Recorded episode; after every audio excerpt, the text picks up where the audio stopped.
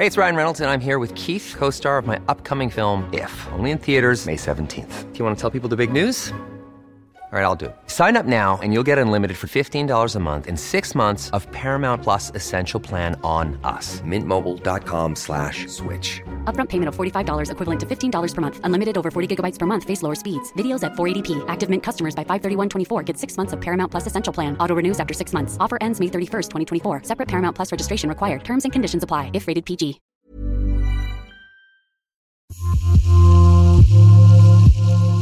إن كان داوم يوم ولا إن كان صار له 20 سنة. ضمان لازم يشرع على الكل أنا هيك بعرف لما يقعد يقعد مثلا يقول خمس سنين يقعد يقول على جديد يتعين يداوم وظيفه مثلا يتعين.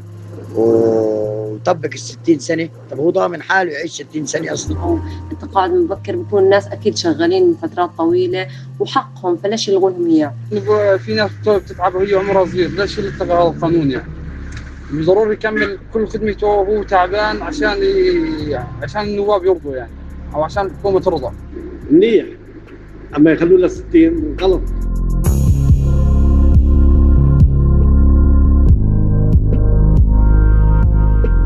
هالأصوات كانت جزء من استفتاء أجرناه حول تعديلات مشروع قانون الضمان الاجتماعي.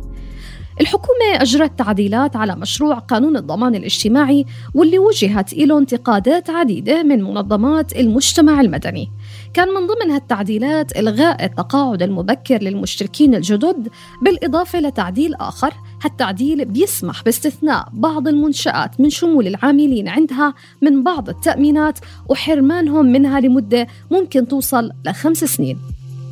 في هالحلقة الثامنة من برنامج البرلمان عبر منصة صوت بنحاول نطرح نقاش لهالتعديلين في مشروع قانون الضمان الاجتماعي.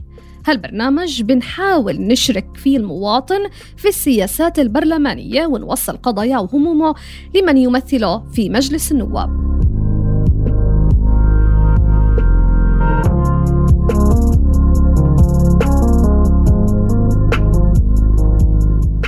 بحسب تعديلات القانون انسمح لمؤسسة الضمان الاجتماعي إنها تعفي أي مؤسسة اعتبرها ناشئة بدون ما يحدد شكلها أو طبيعتها أو الأسباب. وسمح بإعفائها من بعض تأمينات العاملين فيها لمدة خمس سنين بحد أقصى. هالتعديل أثار انتقادات كثيرة. مدير عام المؤسسة العامة للضمان الاجتماعي حازم راحاحلة برر هالتعديل خلال لقائه منتصف الشهر الحالي مع بعض الصحفيين والكتاب بأنه بيشجع وبيحسن بيئات الأعمال والمشاريع الريادية والناشئة. في عبء آه، كبير بتفرض الاشتراكات على على أصحاب العمل. اللي اليوم عندنا نسب اشتراكات 22% إلى ربع. وتحديد آه، وبشكل أخص على أصحاب المشاريع الصغيرة. يعني الكل في هاي أصبحت عائق أمام اللي هي نمو المشاريع الصغيرة والرياديه. كان المطالب تحكي إنه لازم مؤسسة تفكر بتخفيض نسب الاشتراكات.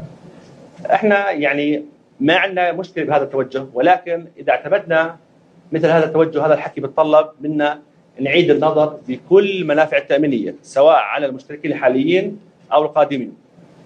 اللي صار إحنا عندنا اليوم طلعنا كمؤسسة اقترحنا آلية جديدة، الآلية الجديدة بتركز فقط على المشاريع الريادية وأعطينا المؤسسة صلاحية استثناء بعض المشاريع اللي هي تسجل لأول مرة بعد نفاذ أحكام أحكام القانون أو المشاريع القائمة عند نفاذ أحكام القانون اللي هي نعطيهم استثناء من الشمول ببعض التأمينات والتوجه المبدئي إنه نستثنيهم من تأمين الشيخوخة لفترة مؤقتة مقابل شمولهم بتأمينات اللي هي أساسية آه، مثل اصابات العمل، العجز الطبيعي، الوفاه الطبيعيه فهي بتحافظ على الحد الأدنى من الحماية ونفس الوقت كمان تعطي لأنه الفئة المستهدفة اليوم عندنا فئة الشباب. أمين عام وزارة العمل سابقا والمحامي حمادة أبو نجمة بيأكد أنه اللجوء لهيك خيار لتحفيز الشركات الناشئة بيعني تخلي مؤسسة الضمان عن دورها في حماية حق العامل إحنا بنحكي إذا كانت الرغبة بأنه نحفز مؤسسات معينة نعفيها من اشتراكات مثلا. أو نعفيها من أمور أخرى خارج قانون الضمان الاجتماعي ضرائب آه كذا. إلى آخره. في في وسائل متعددة. ليش قانون الضمان الاجتماعي وأنا أعفي على حساب حقوق العاملين؟ أبو نجمة كمان بيحكي إنه إذا ما تم تطبيق هذا التعديل فخطورته تكمن بالتالي. آه، وهذا الأمر آه، يعني خطورته بأنه يفتح الباب أمام إلغاء تأمينات عن العاملين لمجرد أن يكون حسب يعني ما بتذكر مؤسسة الضمان الاجتماعي بأنه السبب راح يكون تحفيز المؤسسات الناشئة وحسب مدى التزامها وحسب ولتشجيعها والى اخره ولكن تحفيز آه، هذه المؤسسات لا يجوز أن يكون على حساب العامل. يعني بمعنى أنه أنا أكون في مؤسسة آه، ترغب الحكومة بتحفيزها فيتم حرماني من تأمين الشيخوخه طبعا هذه وتأمين هذه كذا. المؤسسات هي راح تصدر فيها تعليمات. يعني راح يصدر فيها نظام. آه، يعني وليس بالقانون. إنه مش في القانون وبالتالي ما حدا بيعرف شو القواعد اللي بده يتم العمل عليها. واضافه إلى ذلك فتح الباب امام أمام هذا الأمر بأنه نسمح اليوم بحرمان موظفين عاملين من تأمينات اجتماعية اليوم بهذا الأسلوب لخمس سنوات. بكرة بصير آه، انفتاح أكثر. ممكن نتعدل القانون فيما بعد ويصير آه، صبغة آه، من من في هذا القانون وبالتالي يتم تطويرها إلى أكثر من ذلك. لكن نائب رئيس لجنة العمل والتنمية الاجتماعية والسكان النائب معتز أبو رمان بيشوف أنه موضوع الشركات الناشئة بيحتاج الكثير من الدراسة في موضوع الضمان الاجتماعي الممنوح لموظفيها. الشركات الناشئة اللي بجوز عنده مثلا عامل واحد أو عاملين هاي يجب يكون لها معيار ندرسه باللجنة. ما بقدر إني أعطيك عليه جواب اليوم لأنه إحنا اللجنة 11 نائب. وبالتالي يعني آه تخوفك من إنه ينحرم المشترك في الضمان من آه أو من التأمينات أو خلينا نسميه العامل يعني أو الموظف. هذا أيضا تخوف مشروع إحنا ما راح نسمح فيه. لكن كمان لو توجهنا إلى كثير مؤسسات في الأردن بتشغل عمالات عماله وافدة بتشغل أعمال غير أردنيين طبيعة عملهم على حدود متدينه هذول بجوز إنه اليوم تكلفة الضمان الاجتماعي ما بترجع لا بفائدة لا على العامل ولا على المؤسسة ولا على حتى الصندوق. وبالتالي يجب إن نضع معيار معين لها. آه، طبعا يعني ما في بالمطلق شيء اسمه إنك تخاف تلغي اشتراكات العاملين يعني وتلغي سقوفهم التامينيه بوضح أبو رمان أنه الأصل أنه يتم وضع معادلة لإعفاء الشركات الناشئة تكون مرتبطة بتصنيف الدخول وبفسرها بقوله.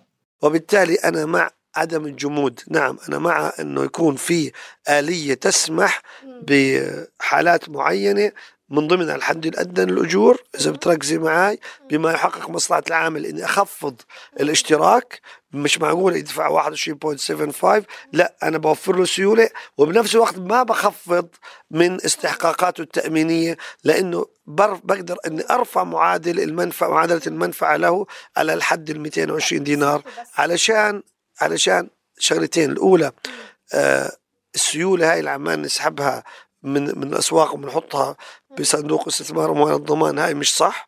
السيولة بنسحبها من العامل وبنحرمه من رفع الحد الأدنى لأنه بقول لك تكلفته صارت عالية عليه بالنسبة للمصانع. برضه مش صح. أيضا إنك تطبق عليه معادله 22% زي ما تطبق المعادله على اللي راتبه 10000 دينار أو 5000 دينار أيضا مش صح. أما بالنسبة للتعديل الثاني على مشروع القانون واللي كمان وجهت له انتقادات كثيرة كان إلغاء التقاعد المبكر. وفق أرقام مؤسسة الضمان الاجتماعي عدد المتقاعدين مبكرا هم 113 ألف متقاعد يعني تقريبا 48% من العدد الإجمالي لكل متقاعدي الضمان الاجتماعي واللي تقريبا عددهم 233 ألف متقاعد. وبحسب مؤسسة الضمان الاجتماعي فمتوسط العمر لكل متقاعدي الضمان عند استحقاق راتب التقاعد هو 52 سنة.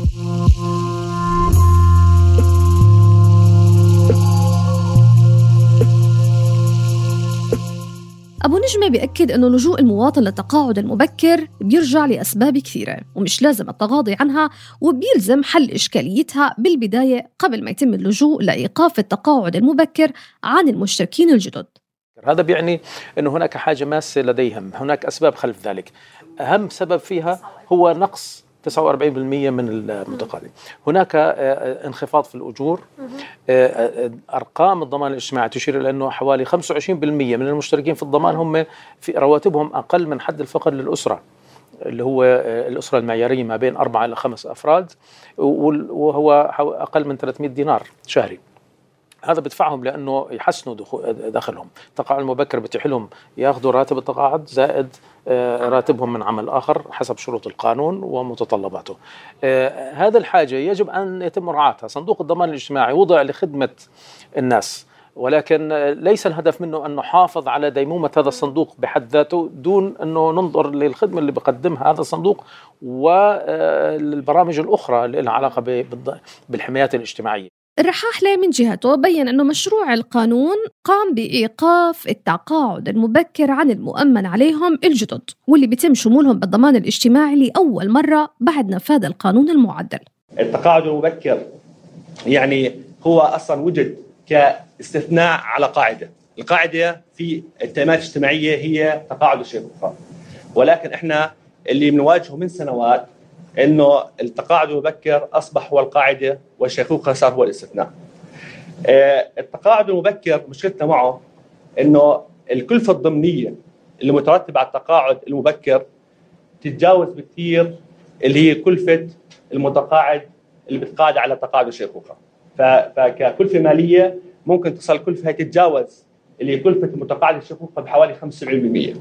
فإحنا عندنا اليوم التقاعد المبكر بشكل عبء مالي كبير على المؤسسة وبنفس الوقت كمان ما في عدالة توزيعية. يعني تقاعد الشيخوخه من ناحية مالية هو أقل استفادة من متقاعد مبكر. فإحنا العدالة بين المشتركين أصلا غير موجوده اليوم بفعل التقاعد المبكر. لكن النائب معتز أبو رمان بيشوف إنه موضوع التقاعد المبكر موضوع بيحتاج لدراسة ومعرفة أسباب التقاعد خاصة إنه صاحب العمل هو اللي بيتحكم في حق العامل باستمراريته في عمله من عدمه. هل هذا إذا تقاعد مبكر اليوم وين بده يلاقي وظيفة عشان يكمل فيها استحقاقات الضمان واشتراكاته عشان يحصل على ادخار؟ وبالتالي التقاعد المبكر إنك تقضي عليه نهائي هذا أمر غير صحيح وقد يؤدي إلى نتائج عكسية وإنك تتيحه على آه على أبسط الأسباب وتحطه كقاعدة يمشي عليها الضمان أمر أيضا أمر غير صحيح. اذا الحكى عليه عطوفة حازم الرحاحله ونحاول نرتقي بثقافة المجتمع بأنه الإنسان قادر على العمل ويستمر. هذا مطلوب أوكي نمشي عليه. لكن أيضا لا تيجي علي وتقول لي بدي أحرمك من كل مزايا التقاعد وتحت أي عمر تحت إطار أنك تستمر في الخدمة. وصاحب العمل ممكن يكون هو اليد العليا واللي يحكي له يعني ما بدي أستمر أو ممنوع الاستمرار لكن السؤال اللي بينطرح شو رأي المواطن في تعديلات الحكومة على مشروع قانون الضمان الاجتماعي؟ عشان نعرف الإجابة أجرينا استفتاء بين مجموعة من المواطنين وهذا كان ردهم قانون كويس آه، ليش؟ أول شيء لأنه بكون آه، يا إما يخدم 30 سنة إذا كان عمره 30 مثلا ل 60 كويس أما اذا إذا مثلا خدم خلال 40 ل 20 سنه يعني من سنة 40 20 سنة بصير 60 سنة وما بعرف شو بصير بالحالة هذه بس الأفضل إنه يخدم كامل وما ما يكون في آه، لحد التقاعد المبكر ليش؟ لأنه هلأ المتوسط الأعمار تقريبا 45 هذا عبء على الضمان عبء كبير جدا. فالأجيال اللي بعد هيك راح تتضرر. وأنا بطالب الضمان إنهم يخلوا 60 وبس. واللي الحالات القديمة خلص هم يشوفوا حل لها تجنبا لإفلاس الضمان. موظف لما تتوظف في مكان من حقك إنك من أول يوم تتسجل بالضمان الاجتماعي. ليه؟ إنه آه، أنا أشتغل خمس سنين وبعديها لسه بدي أسجل في الضمان. الخمس سنين هدول يعني من حقه وسنين من عمره عم بتروح. والله حرام يعني خمس سنوات هدول حساب مين بده يروح حساب مين؟ خمس سنوات هدول يعني مستفيدوا منهم. يعني سمح الله صار في عامل إشي وتضرر الخمس الضمان ما يتعرف عليه. خمس سنوات ما بيعرف الواحد شو بيصير معه في الخمس سنوات صح ولا لا؟ بالنسبة لي هذا يعني قانون بكرة بخرب الناس كثير يعني. قانون فاشل من الرأي يعني. إحالة مشروع القانون لمجلس النواب وفي ضوء التعديلات الحالية. واجه كثير انتقادات لعدم إجراء أي تشاور قبل إحالته لمجلس النواب وهو اللي بوضحه أبو نجمة بتأكيده على صياغة مشروع القانون وتعديلاته اللي ما انعرضت أبدا على القطاع العام والخاص والقطاعات الأخرى. هذه مخالفة قانونية أولا وإضافة إلى ذلك والأهم من ذلك أنها يعني آه، تدل على أنه آه، القانون مشروع القانون صدر دون تشاور. وهذا شيء سلبي لأنه نحن نتحدث عن قانون آه، يهم كل مواطن الآن لأنه أصبح هذا القانون يشمل ليس فقط القطاع الخاص كما كان سابقا أصبح يشمل القطاع العام موظفين و والعسكريين وغير ذلك وبالتالي ما ظل حدا في في البلد الا معني فيه سواء فرد أو أسرته. من جهته أكد النائب معتز أبو رمان أنه ورود القانون لمجلس النواب ما بيعني أبدا أنه المجلس رح ياخذ القانون مثل ما إجا من الحكومة ورح تعقد جلسات تشاورية مع كل التيارات والمؤسسات المعنية حتى يتم مناقشة القانون.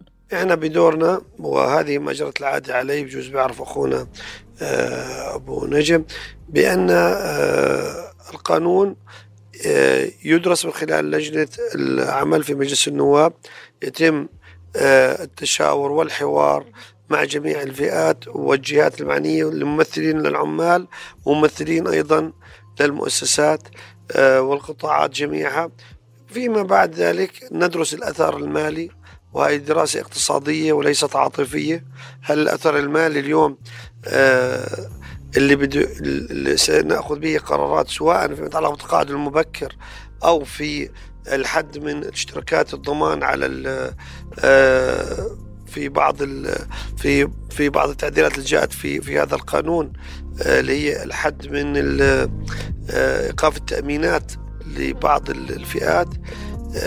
ما أثر ذلك ماليا على الضمان الاجتماعي وعلى المعادلة الاكتوارية واللي تعني استمرارية وديمومة الضمان. في نهاية الأمر بيبدأ مجلس النواب دورته الاستثنائية نهاية الشهر الحالي. واللي مدرج عليها مشروع القانون المعدل لقانون الضمان الاجتماعي بعد ما قامت الحكومة بإحالته بعد القيام بعدد من التعديلات واللي ما اقتصرت على اللي ناقشناه بس في هالحلقة. فالمشروع تضمن تعديلات كثيرة وصاحبها مطالبات عديدة بسحب مشروع القانون من قبل الحكومة وإعادة النظر في هالتعديلات حتى يتم تعزيز الحماية الاجتماعية. ومن خلال عقد حوار وطني لمناقشة المشروع. في نهاية الحلقة الثامنة هاي تحيات فريق برنامج البرلمان من منصة صوت. صابرين طه من التحرير تيسير قباني من الإخراج الصوتي. كنت معكم من الإعداد والتقديم هبة عبيدات. إلى اللقاء.